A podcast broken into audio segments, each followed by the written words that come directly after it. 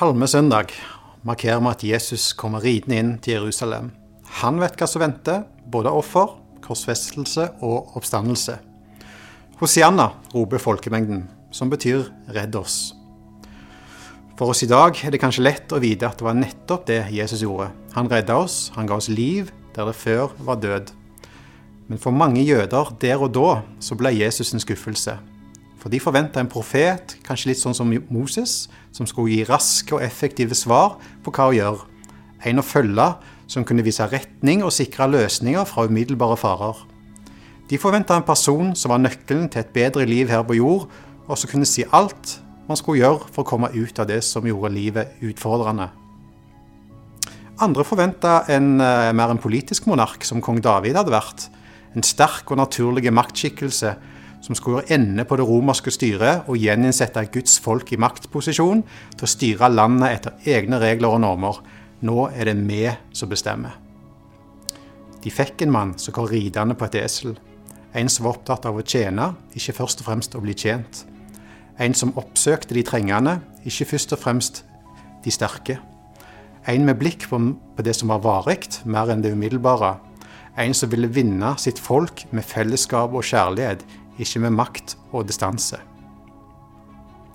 Noe inni meg deler mye av det som jødene òg hadde som forventninger. Jeg har lyst på en gud som peker effektivt på løsningene på problemet i livet mitt. Jeg vil ha en gud som hjelper meg opp og fram inn i en privilegert posisjon. Jeg vil ha en gud som kommer på lykkepille, som kan gi meg en rask løsning på et stort problem, sånn at livet mitt blir mest mulig nytelse og minst mulig lidelse. Og jeg vil ha en Gud som skaper motgang for de som tenker, lever og ønsker annerledes enn meg. Men så er han ikke sånn. Å sjøl bli far har vært en skjellsettende opplevelse.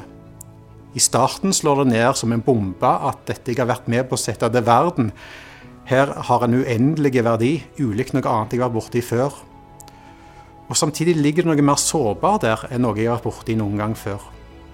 Barnet ligger der og er helt fullstendig av avhengig av meg, av at jeg kommer det til unnsetning, og hjelper det med alt fra det mest grunnleggende.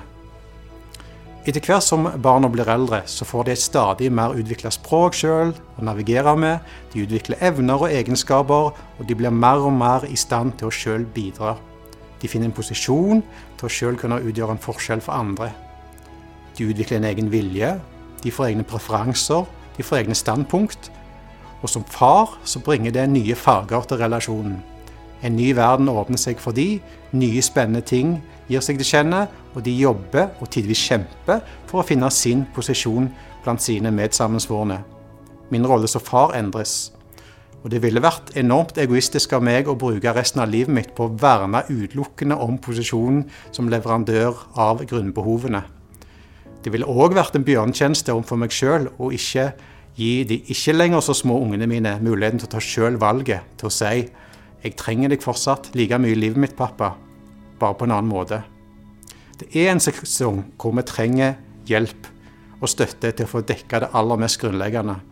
Og så kommer det en sesong hvor det viktigste ikke lenger er hva vi kan gi hverandre, men hva vi kan være for hverandre.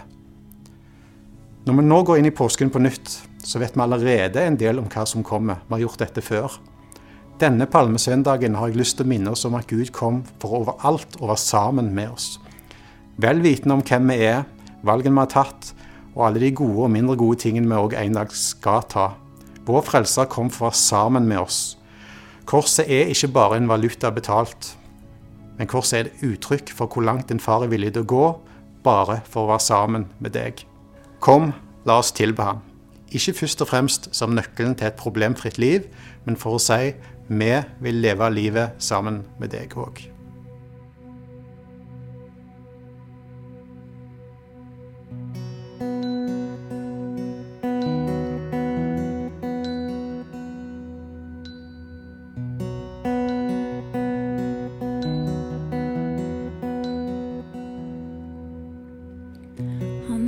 see